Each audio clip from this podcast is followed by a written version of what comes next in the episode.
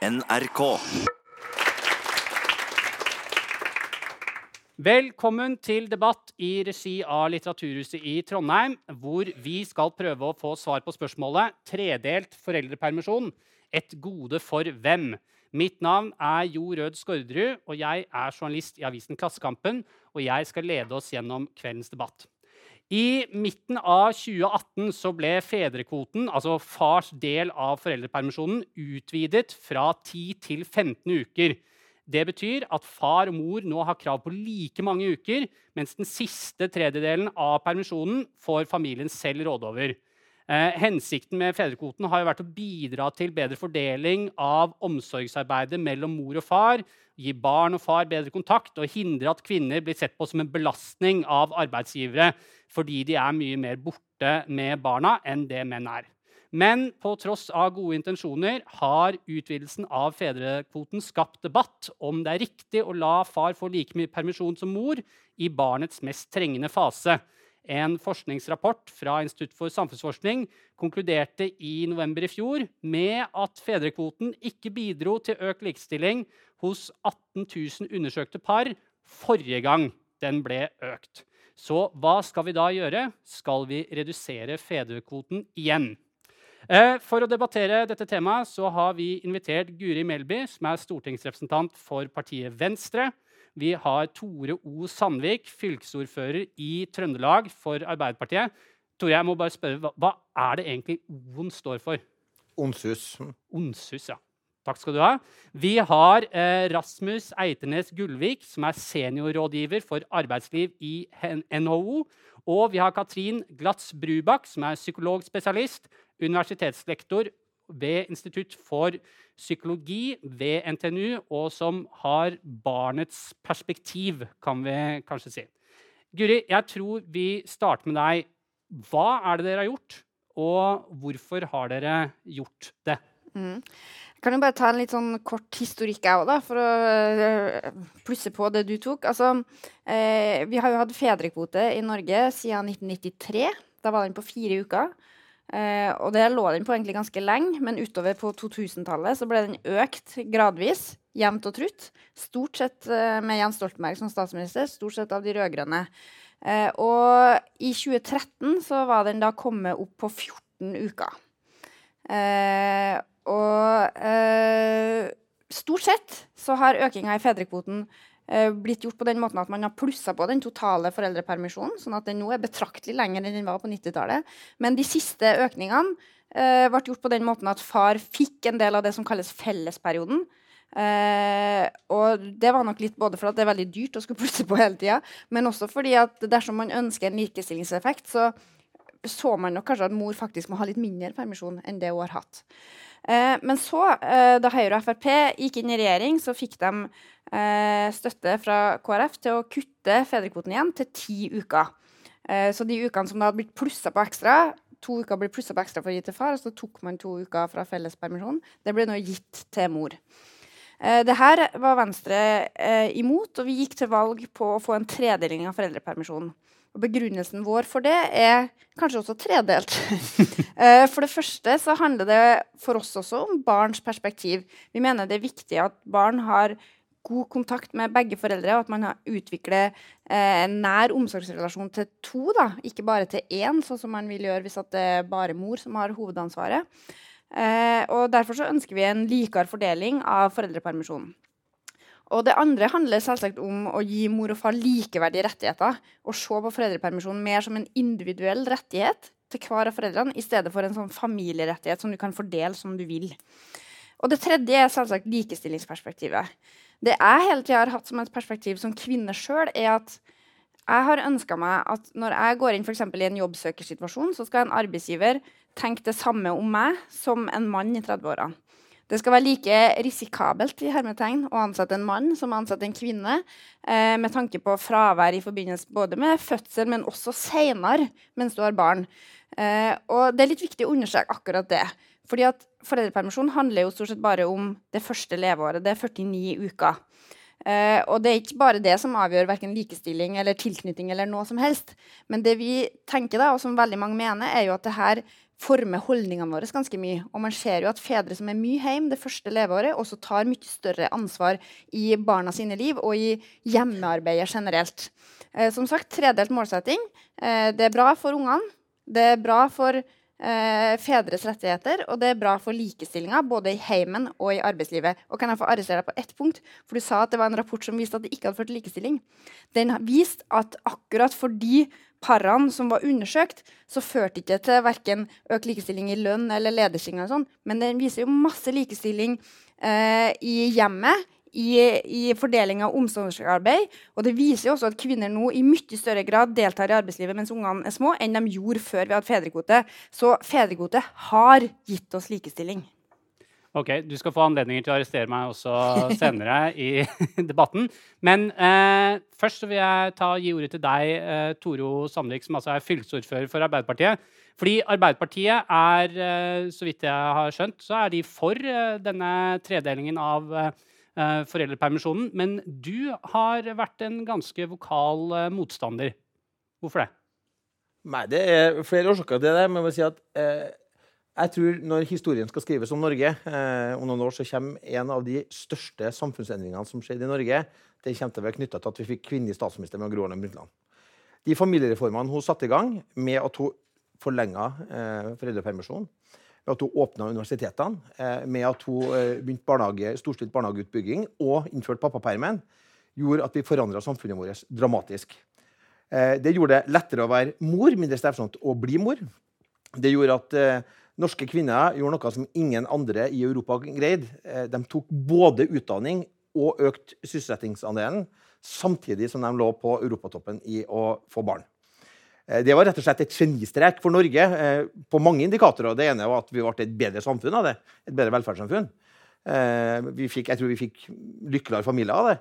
Men det var også verdifullt. Det økte verdiskapinga enormt i Norge.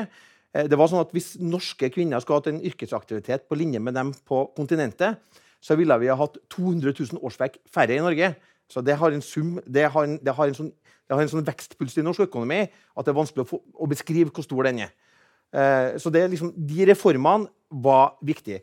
Jeg fikk mitt første barn i 1992, og jeg har eh, siden den gangen også vært eh, veldig opptatt av de spørsmålene. Jeg har vært en ivrig forkjemper for pappapermen. Jeg jobba som ungdomssekretær i LO og var visepresident i Europeisk LO sin ungdomsorganisasjon. Og brukte taletida mi på kongressen eh, i Helsinki eh, sammen med Yngve Haagensen på å snakke om at det var nødvendig å innføre foreldrepermisjon, og også for fedrene eh, i Europa. Så jeg mener eh, Pappapermen har vært helt avgjørende for at dette skulle være en god familiepolitikk som sørga og lagt til rette eh, for det. Uh, og Jeg har også vært for at det var riktig å øke pappapermen for å øke total andel uh, av, uh, av, av, foreldrepermisjonen totalt sett. Nå ser vi at fødselstallene synker. De stuper faktisk. De to siste årene har de gått kraftigere ned enn de noensinne har gjort før. norske kvinner er nå ikke på fødselstoppen, de er langt ned. Det er det mange årsaker til. det er dyrt å bo. Eh, man utsetter å få første barn. Eh, til Nå tror jeg snittalderen er 29 år, og da er det vanskeligere å rekke å få tre-fire barn. Eh, rett og slett. Men i en sånn situasjon så tenker jeg det er viktigere enn noensinne å igjen senke terskelen og gjøre det mindre strevsomt å bli mor. Og når Stortinget, med mitt partis hjelp, nå da har prestert å vedta at du maks skal få lov til å være hjemme i sju måneder etter du har fått barn, og i tillegg da har prestert å vedta eh, å forbeholde flere permisjonsuker eller flere uker til far etter fødsel enn mor, eh, så jeg, tenker jeg at Stortinget er i ferd med å bli skrullete. Og da er det på tide å si fra med litt klarere røst. Det må du forklare. Hvordan, hvordan, kan far ende opp med mer uker enn uh, en mor? Har de ikke akkurat like mange uker? Nei, for Far har i tillegg eh, rettigheter i et annet regelverk 14 dager etter fødsel. Eh, det er riktignok ulønna, men de fleste fedre som jobber i det offentlige eller i store bedrifter, de får de to ukene lønna. Arbeidsgiveren tenker at det er greit at du er hjemme de første 14 dagene etterpå. I tillegg så har far 15 uker.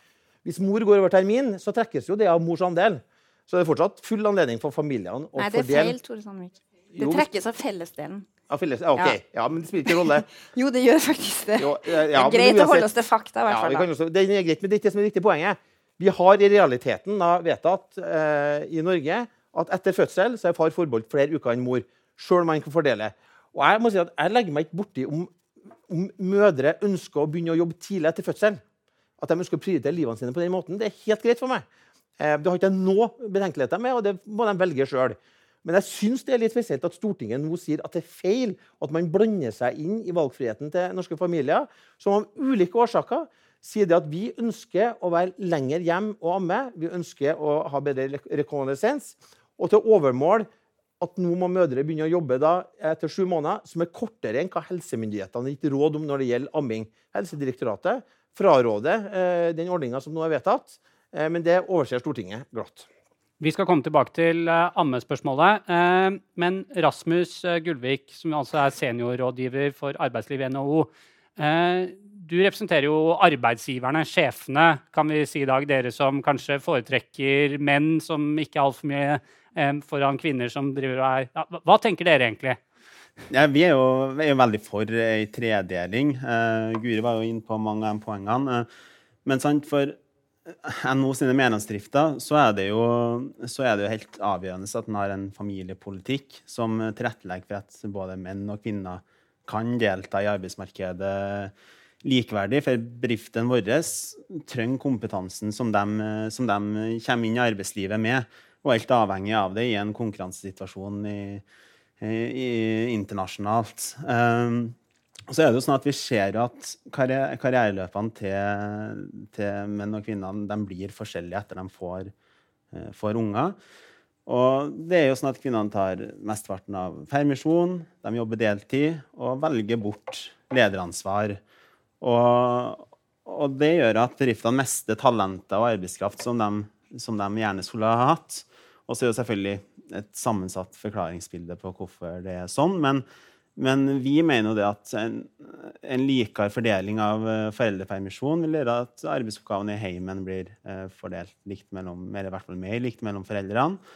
Og som i neste omgang da kan forhåpentligvis bli overført, uh, overført til arbeidslivet gjennom mer, et mer likestilt arbeidsliv. Så vi tenker at pappakvoter i dette tilfellet er, kan være nyttig, da må, men da må den være tilstrekkelig lang. lang. Og det, Derfor tenker vi at en tredeling Eh, er fornuftig. Takk skal du ha.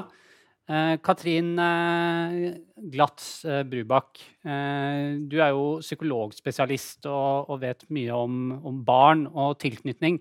Hva er ditt din, Eller fra, fra, barnets ståsted, hva, hva tenker du? Mm. Altså, det er jo ikke noe tvil om, og det har vi mye data på, at både mor og far er viktig for for barn, helt fra de er nyfødt. Um, og barn er i stand til å knytte seg til flere personer, men de lager seg liksom et sånt hierarki. Um, sånn at det er en som um, er, blir viktigere enn en den neste på lista, osv. nedover.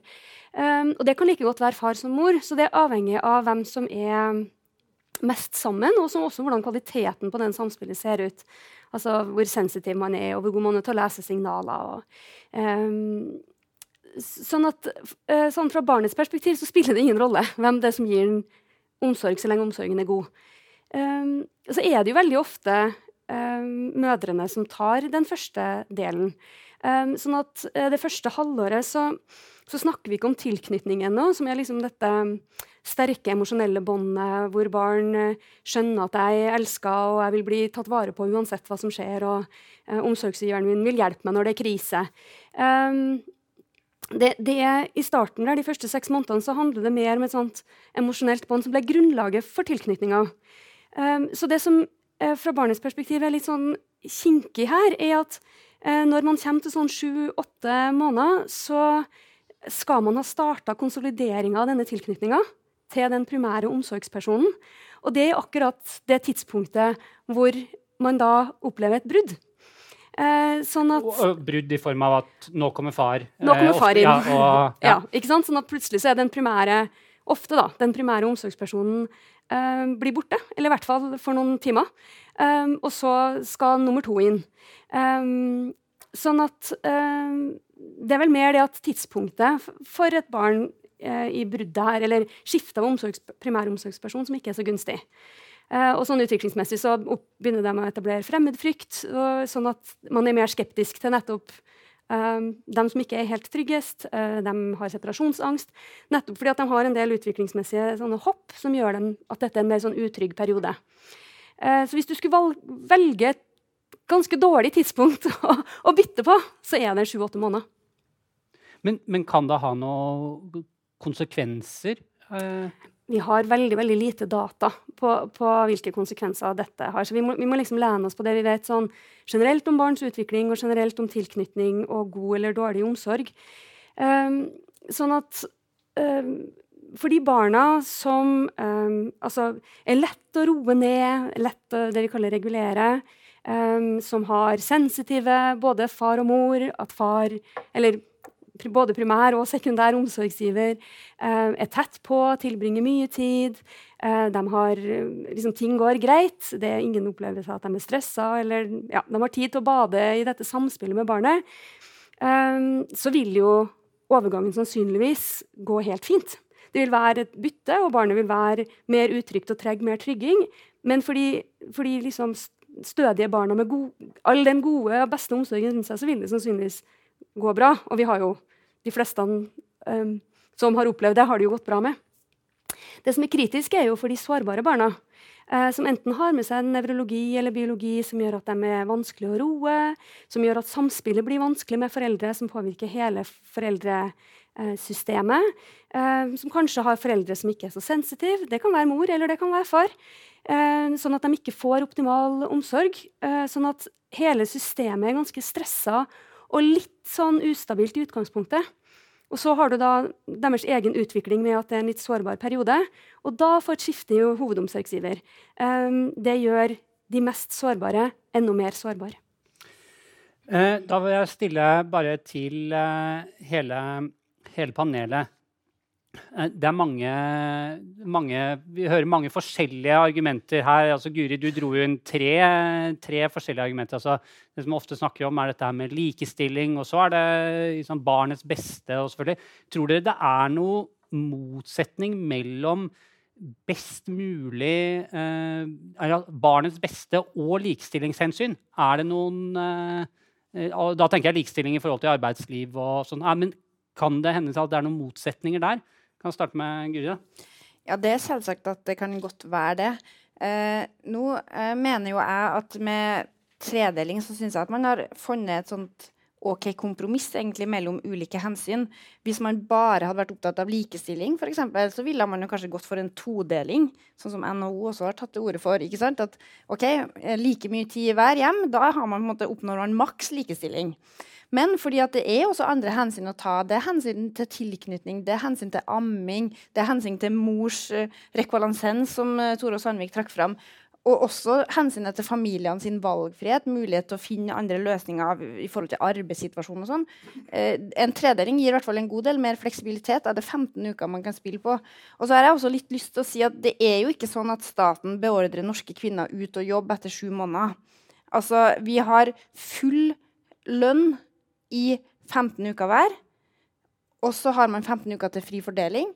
Man har mulighet til å ta 80% lønn og dermed øke lengden. Man har mulighet til ulønna permisjon i ett år hver. Det er veldig få land som faktisk har en ordning som er så raus.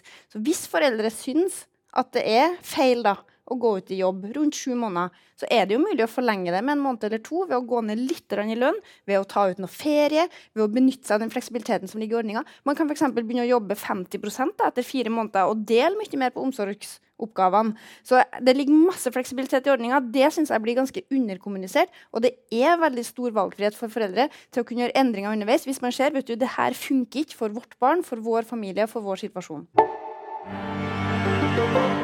NRK P2 sender aktuelle debatter fra ulike scener i landet. Du hører Debatt i P2. Tore og så Katrin.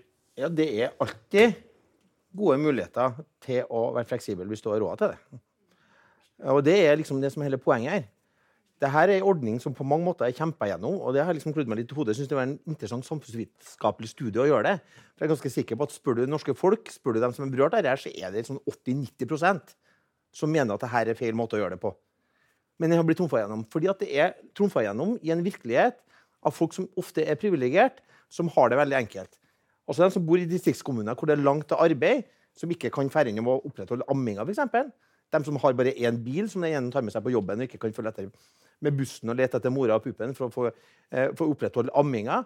Eh, de som ikke har råd til å gå ned på den fleksibiliteten. Og det ser vi jo i virkeligheten nå. Stadig flere tar 100 rett og slett fordi de har ikke råd til å ta 80% Det er for dyrt å bo. Eh, det er for krevende å få det til å gå opp. Og mange fedre tar ikke hele fedrekvota, noe som også dere har vedtatt i Stortinget med åpne øyne. Dere tror ikke de tar hele 15 uker, fordi at erfaringa er det at det blir for dyrt for familien. For far er i snitt eldre enn mor når første barn kommer. Og dermed så har han også ofte høyere lønn. Og det medfører at far ikke tar ut fedrekvota. Så de har ikke råd. Så det er jo et spørsmål at Fleksibiliteten er alltid god for dem som har råd til å gjøre det. Men for alle andre som ikke har råd til å gjøre det, så blir det sånn at du får en ordning der de i lavtlønnsyrker, de i samme yrker som kanskje er enda mindre åpne for det, de må ut i arbeid etter sju måneder. Og Det er rett og slett en helt feil utvikling, også hvis man ønsker, som statsministeren ba oss om, om å opprettholde barnetallene i Norge. Jeg, jeg skal bare få klargjort noen greier. fordi bare sånn at vi har det på plass. Hvis du velger eh, å ikke ta, altså Hvis far ikke tar ut de 15 ukene, hvis han tar bare 10, da forsvinner de resterende fem. Men er det et utbredt fenomen at når du sier at fedre ikke gjør det, det et, vet vi at det er et utbredt fenomen? Ja, det vet vi. Og det skriver regjeringa sjøl i høringsuttalelsen sin. Uh, fedre har fortsatt et noe høyere opptjeningsgrunnlag enn mødre og vil derfor i gjennomsnitt få utbetalt mer foreldrepenger. Det innebærer isolert sett at utgiftene til foreldrepenger vil øke. Basert på tidligere observert uttaksmønster antas det at en økning i fars del vil medføre at det totale antallet foreldrepengedager som tas ut, vil reduseres, noe som vil føre til en reduksjon av utgiftene. Dette skyldes at en andel fedre ikke tar ut kvoten, og at andre bare tar ut deler av den. Dette er det som står i det Stortinget har fått tilsendt når de skal vedta saken. Uh, Melby? Ja, jeg må korrigere deg på flere punkter, Tore Sandvik. Og jeg synes det er veldig synd at du hele tida trekker fram feiloppfatninger og faktafeil. For det første, den rapporten som programlederen viste innledningsvis, eh, som så på likestilling av fedrekvoten, den konkluderer med én veldig tydelig ting. Den sier fedrekvoten har funka fordi fedre tar ut nesten gjennomgående akkurat så mange uker som de får. Så det er liksom hovedkonklusjonen. Yes, Hvis målet er at fedre skal ta mer øh, foreldrepermisjon, så funker det. For fedre tar stort sett ut det de får. Og så er det selvsagt noen unntak som ikke tar det ut, men det er veldig få. Så det er ikke noe stort utbredt problem. Og du sier at 80-90 er imot dette her. Det er også feil, ifølge alle undersøkelser som jeg har lest. Uh, det er en mengde forskningsrapporter en mengde undersøkelser som Nav har gjort, som viser at de fleste foreldrepar er for en lang fedrekvote. Mødrene ønsker sånn i gjennomsnitt at den skal være ca. 13 uker. Fedrene ønsker ca. 15-16 uker. Så når vi har en fedrekvote på 15 uker, så mener jeg at vi er ikke så veldig langt unna det folk faktisk mener. Nå er folk ivrige. jeg må bare få korrigere det, for det Poenget er at de mødrene ble spurt om de ønsker lengre fedreperm, ikke om de skulle tas for dem. Det er svært mange forskjellige undersøkelser jeg viser til, Tore Sandvik. Da, dere skal, få, dere, de skal få diskutert videre på det. Men uh, da vil jeg høre Katrin, du har tegnet deg. Og så etterpå så har uh, Rasmus Gullvik tegnet seg. Katrin først. Um, jeg får litt sånn behov først for å si at jeg er feminist. um, sånn at når jeg argumenterer uh, som jeg gjør, så gjør jeg det utelukkende ut fra hva, jeg, hva, vi vet om hva barn trenger og ikke trenger. Sånn at dette Sånn fra et barnepsykologisk perspektiv så handler jo ikke dette hvorvidt man har, eller fedre har rett på eller har godt av å være hjemme, eller om det er mor som har mest tid eller ikke. Men, men hva er det vi vet om hva barn trenger av av uh, omsorg, særlig i denne kritiske perioden. Og som sagt, uh, de barna som er, uh, som er godt tilknytta, som får god omsorg, liksom godt regulert, så vil det jo for de aller fleste ikke være noe problematisk. Men når, når temaet fleksibilitet kommer opp, så er jo nettopp de sårbare barna kommer, tenker jeg trenger mer fleksibilitet enn det dagens tredeling gir rom for. For noen, noen barn er, de sover ikke på månedsvis. Um, og det påvirker selvfølgelig barnets utvikling, men det påvirker også samspillet med, med mor eller far, uh, eller begge. Um, som gjør at det å få etablert en trygg tilknytning, det å få inn gode mønster, få, få på plass disse gode samspillene, er det mindre rom for. De trenger rett og slett mer tid. Um, sånn at Min største bekymring er nettopp at det gir for lite fleksibilitet for de barna som, som trenger mer enn disse sju månedene, eller åtte, da, hvis du går på 80 eller. Altså mer tid med hovedforsørger? Ja. Eh, ja. ja eller ikke hoved, hovedforsørger, primær omsorgsperson, primær omsorgsperson, som er det som jo hovedsakelig er mor. Eh, ja, som er den, den, av omsorgspersonene som tilbringer mest tid, ja. og som har det mest sensitivitet i samspillet. Mm. Mm. Rasmus? Ja, jeg tenker jo det at så, sant, pappkvota er jo blitt uh, økt flere ganger. Uh, og hver gang så er det vært et likestillingshensyn som har vært til grunn, og så har det blitt lagt til den eksisterende permisjonen. Og da tenker jeg at da er, har det vært det som har vært fokuset når man har utvida den ordninga. Så når f.eks. regjeringa Høyre Frp da kutta i pappapermen, da gikk jo NHO ut og sa at da kan man like greit kutte i foreldrepermisjon eller bruke pengene på andre tiltak som vi vet fungerer for å få folk ut i arbeid, sånn som gratis barnehage. Det er noe vi tenker er et viktig argument i det å få foreldrene til å jobbe. Og det, det er noe som vil treffe absolutt alle all familier. Gratis barnehage det vil treffe dem lavinntekt, og det vil treffe dem som har behov for det. Det koster i dag mye å ha én unge, to unge, tre. Altså det legger jo på seg når du har eh, barn i barnehagealder. Tore, og så Guri. Ja, alle økonomiske stimuli kan funke. Eh, men det som vi er privilegert på her i Norge, er at vi har hatt lang foreldrepermisjon. Og det vi har oppdaga med lang foreldrepermisjon, det er at vi tenker tilbake på at det var noe av det fineste vi hadde. Fedre kjempa seg ikke inn på fødestuene. Vi ble dratt inn av våre mødre. Eh, og eh, oppdaga at det var det største vi hadde opplevd. Det var ingen lenger som sier at det var VM-finalen, men det var å være med på fødselen. Vi fikk pappapermen, og vi tenker på at da oppdaga vi ting ved oss sjøl eh, og i samspill med ungen som vi aldri ville vært foruten. Mødre tok i snitt ut elleve måneder for noen år siden. Eh, permisjon. Eh, når de hadde det er en av undersøkelsene viser til. Oppdaga at det var fantastisk bra. Noen kunne starte å begynne å jobbe rett etter de eh, begynte, og man hadde jo ikke noe valg der eh, før der permisjonen kom. Men man oppdaga at det her var utrolig bra samspill. Man fikk også, etter man har kommet seg etter fødsel og holdt på med amminga, litt av den kosen som fedre også får. for vi tar hjem på tampen. Og Det gjorde jo også at det ble mye mindre, eh, ble mye mindre eh, det ble ikke så strevsomt å få barn. Det var med på at vi økte fødselstallene i Norge. at vi gjorde det mindre strevsomt å få barn. Nå synker de igjen, og det er mange årsaker til det. Men jeg tror at skal vi få opp fødselstallene igjen, skal eh, mødre som nå får barn når de er eldre, rekke å få flere barn, så må du senke den terskelen. Og da er det riktig, hvis vi skal ha pappaperm på 15 uker, at det må komme i tillegg til at du utvider mødrepermen, sånn at man får være hjem like lenge som Helsedirektoratet anbefaler, og så lenge som man har behov for. Fordi at alle barn har ulike behov. Foreldrene vet best hvordan de behovene dekkes. Melby? Nå tror jeg ingen av oss skal påstå hva som er fasiten på at folk skal få flere barn. Det tror jeg er litt det, det tror jeg, som du sier, også veldig sammensatt. Jeg tror det har med alt fra boligpriser til at vi er trege før vi finner oss en partner, og før vi slår oss ned. Eh, men det som da faktisk forskning viser, er at det er en ganske tydelig sammenheng mellom likestilling og det å få flere barn. Og man ser også at både i Norge og Sverige så viser det seg at de familiene der far tar ut en middels lang permisjon, så øker det sjansen for at de får barn nummer to og barn nummer tre.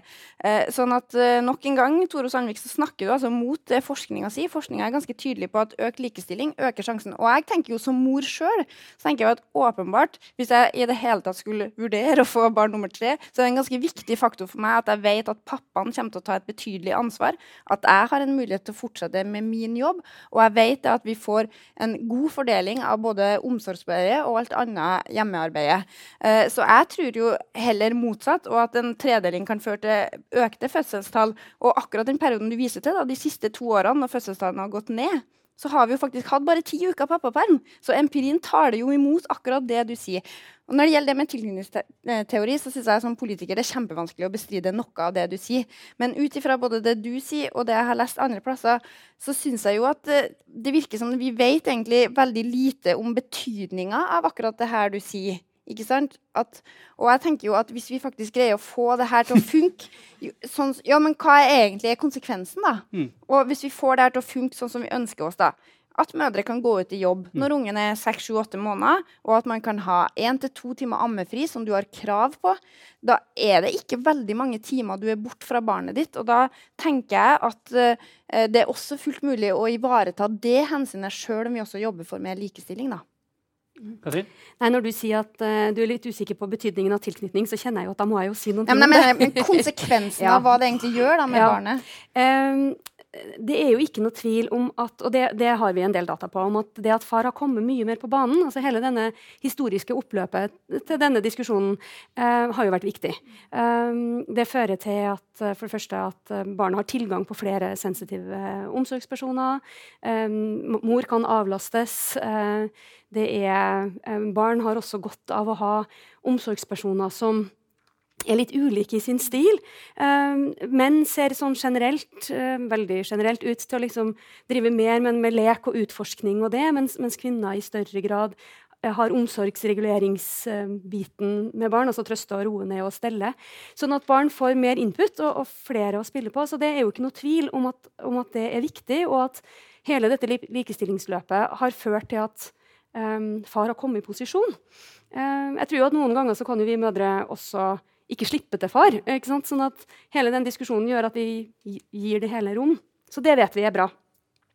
Uh, det som, uh, uh, som, er, som jeg tenker på mest nå, er jo nettopp at dette, dette, skiftet i omsorgsperson kommer på et tidspunkt hvor barnet sjøl er i en ganske sårbar utviklingsfase. Um, og, og, som sagt, de trygge, um, trygt tilknytta, godt regulerte barna så vil det bli jeg, jeg, tenker på det litt som sånn Det blir litt sånn jordskjelv. Det blir litt sånn rotete, og, og, ting er litt ustødig en stund, men, det, men de klarer seg. Men, men, disse sårbare barna er det liksom ikke noe rom for å eh, gi fleksibilitet til. da. Men, men uh, Katrin, altså hvis, vi, hvis man, man, kjøper den uh, jordskjelv altså det, det, er en litt sånn sårbar fase, altså hvor lenge måtte man, uh, måtte man venta før ungene var altså Når, når det hadde vært en en emosjonelt uh, robust fase å gi ungene videre. Da. Altså når de er 15 måneder, to altså mm. På et eller annet tidspunkt så må du jo ja, ta det derre eh, altså, Vi sender dem av gårde i ja. barnehagen når de er eh, åtte-ni måneder. Mange ja. altså, på et eller annet ja, det kan vi jo diskutere. Hvorvidt ja, nei, det skal, nei, men det skal beklager, ikke. beklager, vi skal ikke. Men poenget mitt er at på et eller annet tidspunkt så må jo dette ansvaret deles. Mm. Når, når, er det Nei, altså um, Fremmedfrykt uh, og separasjonsangst oppstår sånn i sju-åtte eh, nimånedersfasen. Så den bør i hvert fall ha kommet seg over den kneika eh, før man skal sende dem videre. Uh, og når du er inne på, på, barnehage, vi skal ikke ta hele diskusjonen, men, men det er jo et annet sånn problematikk som vi, som vi, kommer opp i, er jo at hvis far ikke tar eh, sin kvote av en eller annen grunn, det kan være at arbeidsgiver ikke gir rom for det, eller at han ikke ønsker det, eh, så betyr det jo at barnet må hvis, hvis, man ikke har økonomi til å være at mor eller hovedomsorgsgiver kan være hjemme, eh, så betyr det at disse barna må i barnehage eller en annen form for annen omsorg. Um, og, og, så er jo spørsmålet er barnehagene rusta for det, med kompetanse og omsorg eh, og kapasitet til å kunne ivareta så små barn, som er nettopp i denne sårbare fasen, og med fremmede som de ikke har etablert noe form for, for bånd til. Um, Igjen, optimalt, ikke optimalt betyr jo ikke nødvendigvis katastrofalt. Men, men vi må tenke oss om om hvorvidt vi, vi, i denne sammenhengen muligens er villige til å ofre de aller mest sårbare barna på likestillingens alter. da. Ja, først må vi få reklame for psykologmiljøet i Trondheim. Da, for det er faktisk få som vet mer om tilknytning enn dem. For Den største studien på tidlig trygghet er jo faktisk i Trondheim. Eh, det er jo nesten en sånn HUNT-undersøkelse etter hvert, eh, der man har samla og fulgt barn over flere år. Så det er få plasser i verden du får mer data da, som systematisk samles inn. Så når det etter hvert er fulgt opp, så vil det være veldig spennende å få mange svar på eh, ikke bare på herre, men på mange andre ting også. Det som er Poenget er jo at noen er klar, noen mødre er klar for å begynne tidlig. og Noen barn er det helt greit for også. Altså, mora mi hadde jo ikke uh, permisjon et år da hun fødte meg. Jeg måtte jo ta til takke med det jeg fikk. Så det er jo ikke som, det er, jo, det er forskjell på optimalt og katastrofalt, som Katrin sier. Eh, og noen er det helt greit å begynne tidligere med, og jeg er ikke imot det. Men for noen så er det behov for å være hjemme lenger. Og det Stortinget nå har vedtatt, er at det skal ikke være rom for. Hvis ikke du da har råd til det, at du kan gå ned på 80% eller det som jeg tror kommer til å skje, dessverre, og det som også Jordmorforbundet har vært opptatt av, eh, at tilbakemeldingene at flere mødre tar nå ulønna permisjon utover sju måneder. Og Da får du motsatt likestillingseffekt. Kanskje blir det lettere å gjøre karriere for dem som har utdanning, og andre ting, men dem som er i lavtlønnsyrker og som ikke har kommet seg inn i utdanning, så blir det motsatt. Da kommer du etter på pensjonspoeng, og du kommer etter i jobben din. Eh, så det du legger opp til, er at dem som virkelig har behov for det, ender opp med ulønna permisjon eller går inn i deltidsarbeid. Så mitt poeng er at når Stortinget lager rigide ordninger, som når man setter over en fedrekvote på 15 uker uten å forlenge den, og så tar du bort de ukene som, er, som ikke blir brukt overs, så er du med på å senke det som var eh, mødrene sine rettigheter etter fødsel. Og det er feil vei å gå Eh, både for mødrene både med, og, og, når det gjelder knytta til hensynet til flere barn, som statsministeren nå har blitt veldig opptatt av. Kjefter du like mye på ditt eget parti? Eh, mye mer, jeg har vært mye mer sint på dem i mitt parti for dette her, eh, enn dem utafor. Det er ofte sånn at du krangler mer høylytt i familien enn utafor. Ja. Eh, da er det kort Melby og så Gullvik. Så har jeg en liten Jeg vil jo egentlig bare understreke at som liberaler så mener jeg at det her hadde vært best om vi kunne bare overlatt det til familiene og sagt at dere får bare fordele det fritt. Men problemet er at man da ser at det helt systematisk er sånn at fedre velger bort. Og det kan vi enkelt se ved å sammenligne f.eks. Norge, Sverige, Danmark og Island. Der Danmark da ikke har noen fedrekvote, mens de tre andre landene har det. Og det er jo helt systematisk. I Danmark så tar fedre de tar disse to ukene som de får etter fødsel, og ellers ingenting mer. Nesten ikke. Hvis ikke du har en snill arbeidsgiver som gir deg det. Men da er det opp til forhandlinger med arbeidsgiveren. Sånn at det som jeg vet vil da skje hvis vi kutter i fedrekvoten, er jo at vi også kutter i fedres mulighet til å være hjemme. Og vi, du, så du kan liksom snakke om valgfrihet, men spørsmålet er hva er den reelle valgfriheten, da? Ikke sant? Har fedre reell valgfrihet til å ta fem-seks uker mer enn det vi har gitt dem? Jeg mener det er veldig mye som tyder på at de ikke har det. At det er både arbeidsgiver, det er mødre, det er andre i samfunnet rundt som gjør at de ikke får tatt ut den valgfriheten. Så jeg mener jo at staten også bidrar her til å gi fedre en valgfrihet til å være hjemme i 15 uker. Vi har masse fleksibilitet med muligheter for å strekke ut og gradere og ulønnet permisjon og sånne ting som jeg mener familier står fritt til å bruke. Det er det full mulighet til. Eh, og det her er en rettighet som vi gir til folk. Det er ingenting vi tvinger folk til å ta ut. Ja, Vi setter jo på en måte valgfriheten uh, høyt, så det er jo helt klart. Men det er noe med at vi ser på uh, Fedren vel, tar kvota akkurat sånn som kvota er. Og jeg opplever, egentlig at det er ganske høy uh, oppslutning i befolkninga rundt ja, akkurat pappakvota. Det skjer liksom ikke egentlig noe, sånn sett dramatikk i at foreldrene syns at det er så veldig problematisk. Uh, men det er jo helt klart at kvota til enhver tid er det som fedrene i stor grad velger. Så, så jeg blir litt sånn overraska når du tenker at den modellen som var tidligere nå, av Frp og Høyre, at det er en bedre modell. Jeg syns det, ja. Ja, for Sandvik, det var jo 14 uker når dere, dere styrte. Så det, ikke, det, var ikke så 14 uker fedrekvote, var det ikke det? Ja, men jeg var, mot, jeg var mot to av de ukene òg, fordi at det var tatt fra fellesperioden. Jeg er kjempe for pappakvote. Pappapermen den har vært kjempebra. Vært med og kjempa for den. Den er grunnleggende en god sak for samfunnet på alle eh, måter. Men jeg mener den må komme i tillegg. Du må ikke ta den fra mor. Det du gjør, Nå har du tatt det fra mor, og nå har mors samla permisjon blitt for kort. Det er jo det som er problemet. Jeg må si at jeg er jo helt, jeg er helt utrolig at jeg må sitte og må Guri si, diskutere med en liberaler. Eh, også det her valgfrihetsdiskusjonen de vrir seg jo i Høyre, som har måttet ha blitt med på dette fra Venstre. Eh, når de møter meg, for Jeg skulle jo tro at det var lettere å få støtte på den sida i norsk politikk. Jeg syns vi har hatt litt lengre pekefingre av Arbeiderpartiet på sånne ting historisk sett. Eh, men jeg tenker som så at nå er det på tide å sette seg ned og si nå ble det her feil jeg kommer til å jobbe for at mitt parti skal snu på den saken. der, så at nå må vi ta opp den her på nytt fram til neste stortingsvalg. Nå har vi jo et valgprogram som gjelder den perioden her, så jeg må jo på en måte finne meg i at de har stemt feil den perioden her. Så får det være min oppgave å prøve å snu dem da, til neste valg. sånn at man da, Hvis man skal ha 15 uker pappaperm, så må det komme i tillegg. Og så må vi da ikke vi kommer inn på, men kommer kanskje inn på, så må vi jo, hvis det er så viktig Jeg syns det er viktig å få gjort noe med at fedre ikke er hjemme. Så må vi jo sørge for at de 6000 fedrene som ikke får perm i det hele tatt, får lov til å komme hjem. Men det har jo regjeringa sagt nei til. Man anker jo ESA sin anmeldelse av Norge for at vi diskriminerer 6000 fedre som ikke får perm pga. at det er knytta opp til mors aktivitetsplikt. Eh, det, det, må du bare superklare. Hvem er disse 6000 fedrene som ikke får Det er fordi at uh, uttaket, det, Rettighetene er knytta opp, opp imot mors aktivitet. Og Hvis mor ikke har aktivitet, og hvis hun er fulltidsstudent, så teller det som aktivitet. Men det er 6000 fedre hvert år som ikke får pappaperm.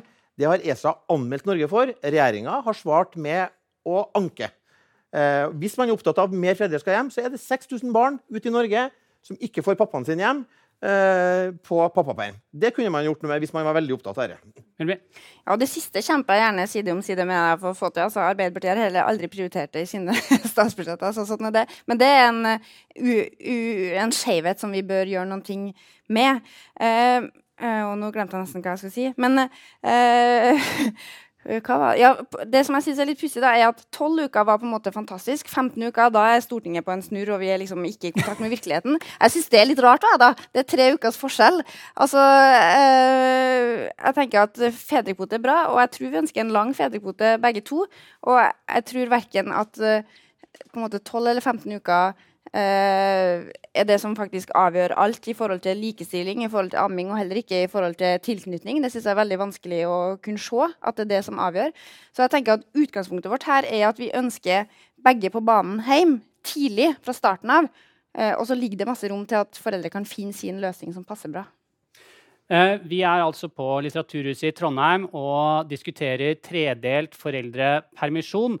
Eh, Og da har jeg et eh, nytt spørsmål til panelet. Fordi eh, Katrin Brubakk, som er psykologspesialist og universitetslektor ved Institutt for psykologi ved NTNU, du sa jo i stad at vi må, vi må passe oss for at vi ikke jeg tolka det litt sånn at vi ikke ofrer barnets beste på likestillingens alter. Jeg skrev ikke akkurat ned hva du sa, men det var litt der. Det var det jeg sa. Ja, men, men, men kan det ikke være at, at vi kanskje det er litt eh, arbeidslivets alter eh, vi bør eh, passe oss for her? Fordi når jeg snakker med, med dere politikere så, og NHO og, og LO egentlig rundt om, så opplever jeg at man er veldig opptatt av at, at kvinnen skal tilbake til arbeidslivet. Men kan det ikke være at opp imot debatten om fødebarn at vi skaper altså at vi ønsker flere hvis man ønsker flere barn, at vi skaper et press på kvinner for å komme seg tilbake fortere. Altså at ved å si pappa må ta mer, at vi sier til kvinner dere, nå må dere opp og hopp og jogg tilbake og ta lederstillingene og kom igjen, damer. Og at de damene som har lyst til å, eller ikke har lyst, men som, som føler at jeg trenger ni måneder med den ungen, at vi forteller dem at de er litt latsekker og burde vært tilbake på jobb, sånn at de ikke havner bakpå i arbeidslivet. Det ble et langt spørsmål. Eh, men grunnen til at jeg stiller det spørsmålet, er fordi jeg, jeg snakket med en, med en lege som, som var bekymra for det forrige uke. Så tenkte jeg skulle bringe hennes bekymring inn. Er, kan det være at vi pusher mødrene for mye på å komme seg tilbake til arbeidslivet? Guri. Jeg kan starte Og, igjen. der, og, altså. det er og, og deretter Gullvik fra NHO. Men jeg er faktisk veldig opptatt av for Noen sier ok, hvis folk tar ut ulønna permisjon, så viser det at ordninga har mislyktes. Nei, det mener jeg faktisk ikke. Jeg vil ikke sette meg til dommer over folk som tar ut ulønna permisjon, om det er fordi at de sjøl ønsker mer fri eller mer tid med barnet, eller hva det nå er som er begrunnelsen deres. Det er jo nettopp derfor vi gir alle en helt ubestridt rett til tolv måneder til hver av foreldrene til å ta ulønna permisjon. Eh, så det er ingen som er latsabb sjøl om de er hjemme litt lenger. Men jeg syns jo kanskje at vi har litt overdreven fokus på akkurat det her første året. da. For jeg tenker jo De månedene jeg jobba når pappaen var hjemme, det var jo en drøm. Det var jo ikke noe problem i det hele tatt. Da hadde han liksom kontroll på alt, og jeg dro på jobb, og han kom med ungen og jeg amma litt, og så dro han tilbake igjen. Det. Det er jo nå, når ungen min er 14 måneder, at det begynner å bli strevsomt og stressende. Det er jo ikke sånn at han sover gjennom hver natt nå heller. Han har aldri gjort det ennå, så jeg håper det skjer snart. Krysser fingrene. Så, så jeg syns vi har litt overdrevent fokus på akkurat det første året. For jeg tror at hvis vi skal få folk til å eh, satse mer på karriere da, og jobbe mer, så tror jeg at det handler mye mer om hvordan vi tilrettelegger hele veien, og ikke bare akkurat hvordan vi deler foreldrepermisjon.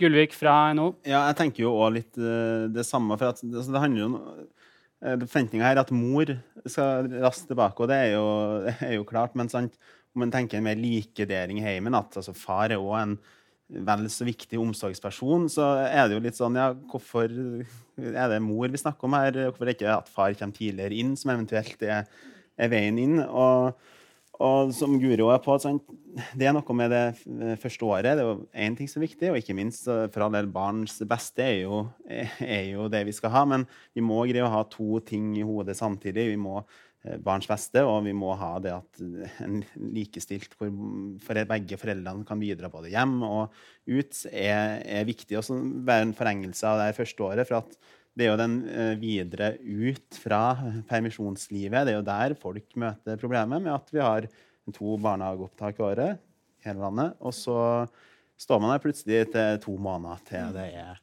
barnehageopptak, og dermed så må det ta Eh, kontantstøtte, da. Mm. Så den kan dere jo egentlig bare fjerne med tvert. Og så gjør dere Og Det er ting vi er enige om. Vi har nok løpende barnehageopptak. Så det er det vi eh, Men, men, altså, men, eh, men Rasmus, jeg skal ikke bestride at, at far og mor er like viktige omsorgspersoner, men, men det er jo en forskjell her.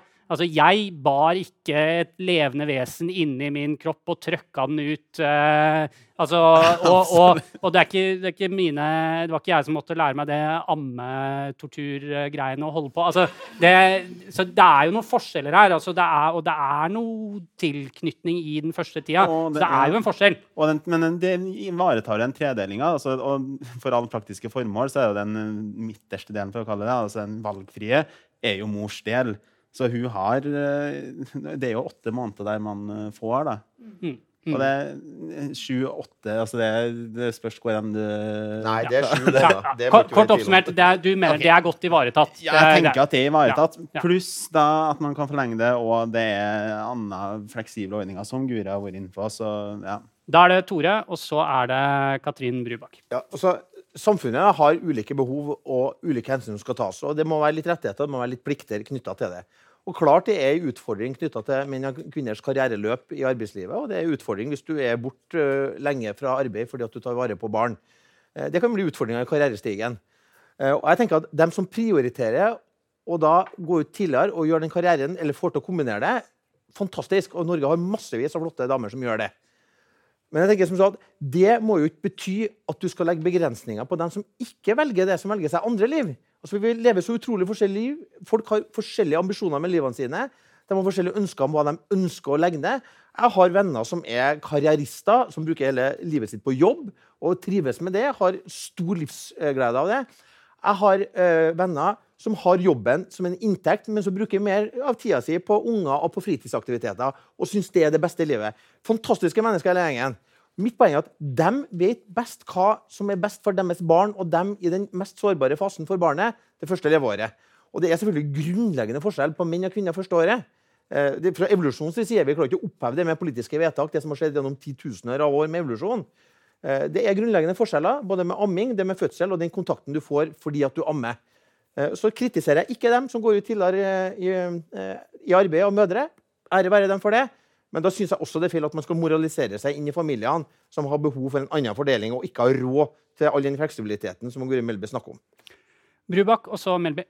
Ja, um, for det stilles liksom spørsmål fra NHO her. kan ikke pappa komme inn før.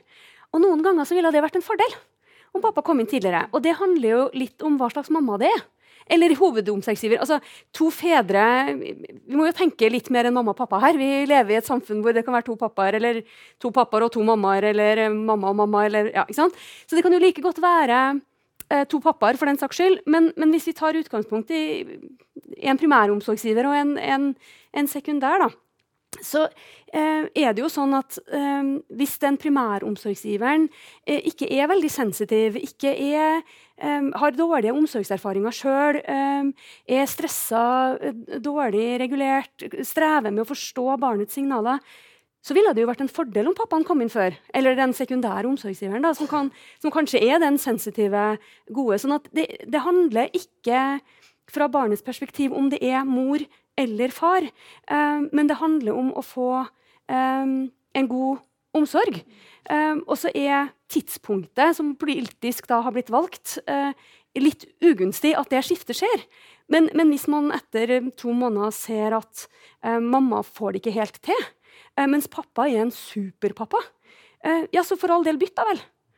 Så det, det handler jo ikke om at det må være den ene eller den andre, men for barnets perspektiv så må det være den som er best. Men akkurat å skifte ved sju-åtte måneder hvor du, hvor du vet at barnet er utviklingsmessig i en sårbar fase, det, det er jo der jeg som barnepsykolog tenker um, vi må finne en annen løsning enn akkurat det tidspunktet. Men at det er komplisert og at det er mange faktorer, det skjønner jeg jo. Melby. Altså, Folk lever ulike liv, og det tror jeg er bra. Det er bra for samfunnet vårt. Eh, og det er helt greit at noen satser på karriere, og at noen satser på tid med familie og fritid og sånne ting. Det som da eh, jeg synes er litt synd med det som Tore Sandvik sier, er at han sier egentlig at det kjønnsrollemønsteret vi har i dag, er helt greit. For det er altså sånn at det er systematisk sånn at når kvinner får barn, så nedprioriterer de jobb, og de opprioriterer familie. Mens menn gjør ikke det samme valget. Nå har de begynt å gjøre det litt, for menn jobber faktisk da litt mindre etter de får barn, enn de gjorde før. Før vi fikk fedrekvoten og før vi fikk mer likestilling.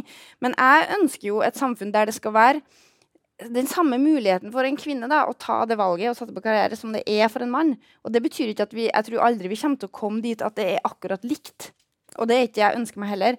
Men du skal ha den valgfriheten, da, at du skal ha den muligheten. Og på samme måte så skal det føles akkurat like naturlig for en mann å si du, disse fem-ti årene her så prioriterer jeg familien. Altså, jeg prioriterer å være hjemme med ungene, jeg trapper litt ned på jobb, og så kan du gå ut og tjene pengene i familien vår.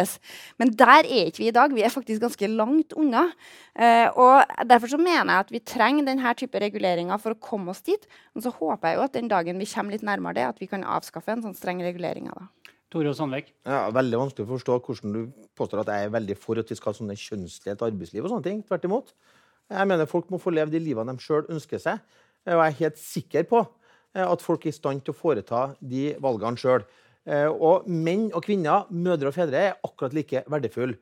Men Gud hjelpe meg, jeg er veldig glad for at vi ikke er likedan. Og det er en helt åpenbar forskjell på mor og far første leveår for barnet. Eh, og det er helt åpenbart også, som Katrin sier, at Hvis det er sånn at far er den beste omsorgspersonen, kan komme inn tidligere og gjøre det, og få den tilknytninga opp mot de sårbare fasene, jo, fantastisk.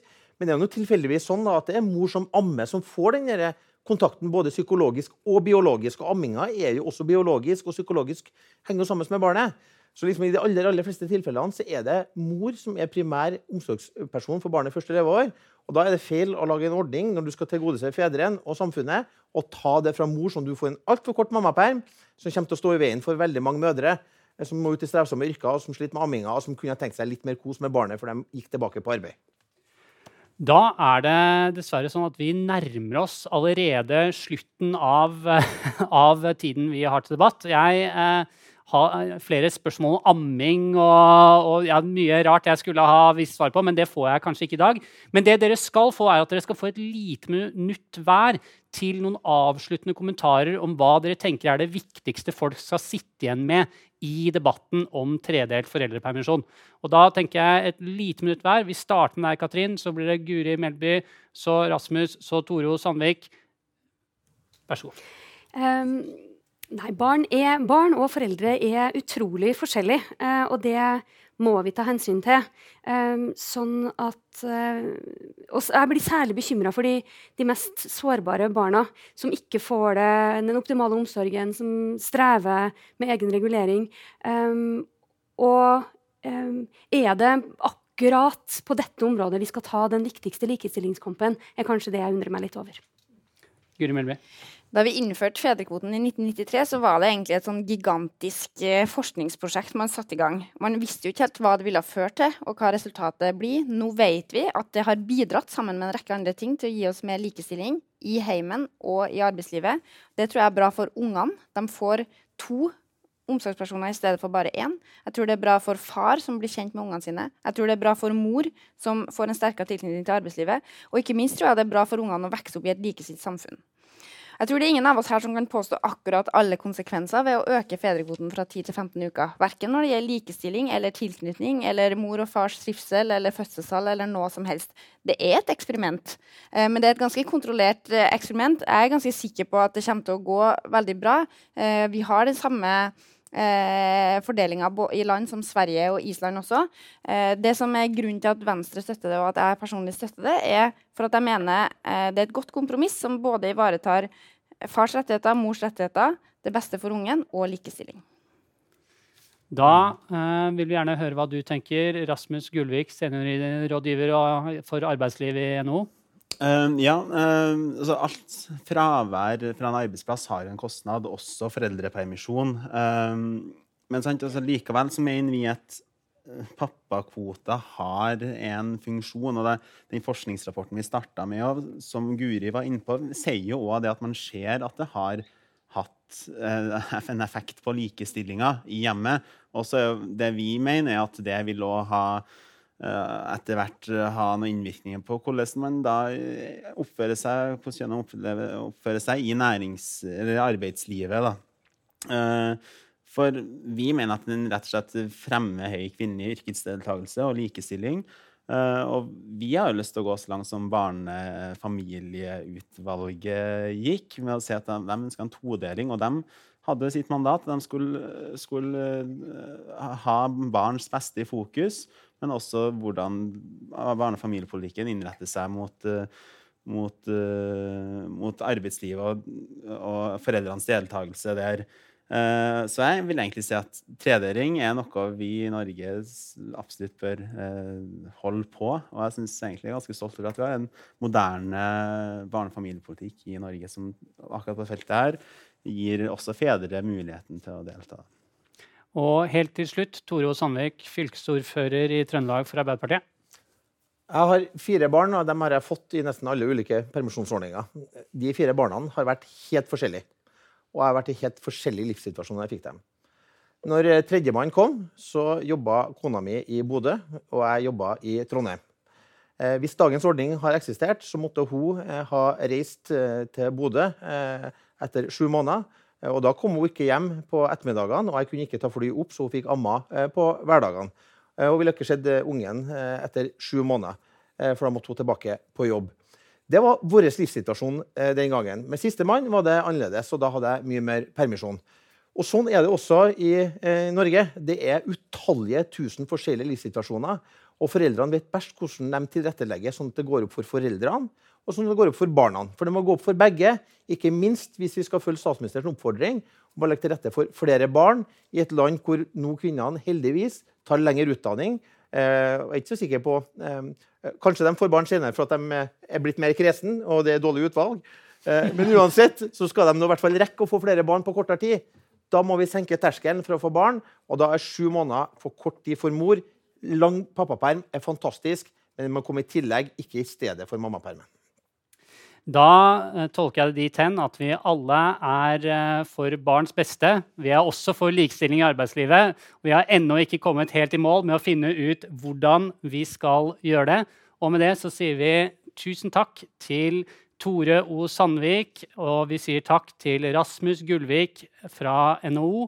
Vi sier takk til Guri Melby, stortingsrepresentant for Venstre og Katrin Brubakk, psykologspesialist og universitetslektor ved Institutt for psykologi ved NTNU. Og jeg er Jo Skårderud og sier takk for meg.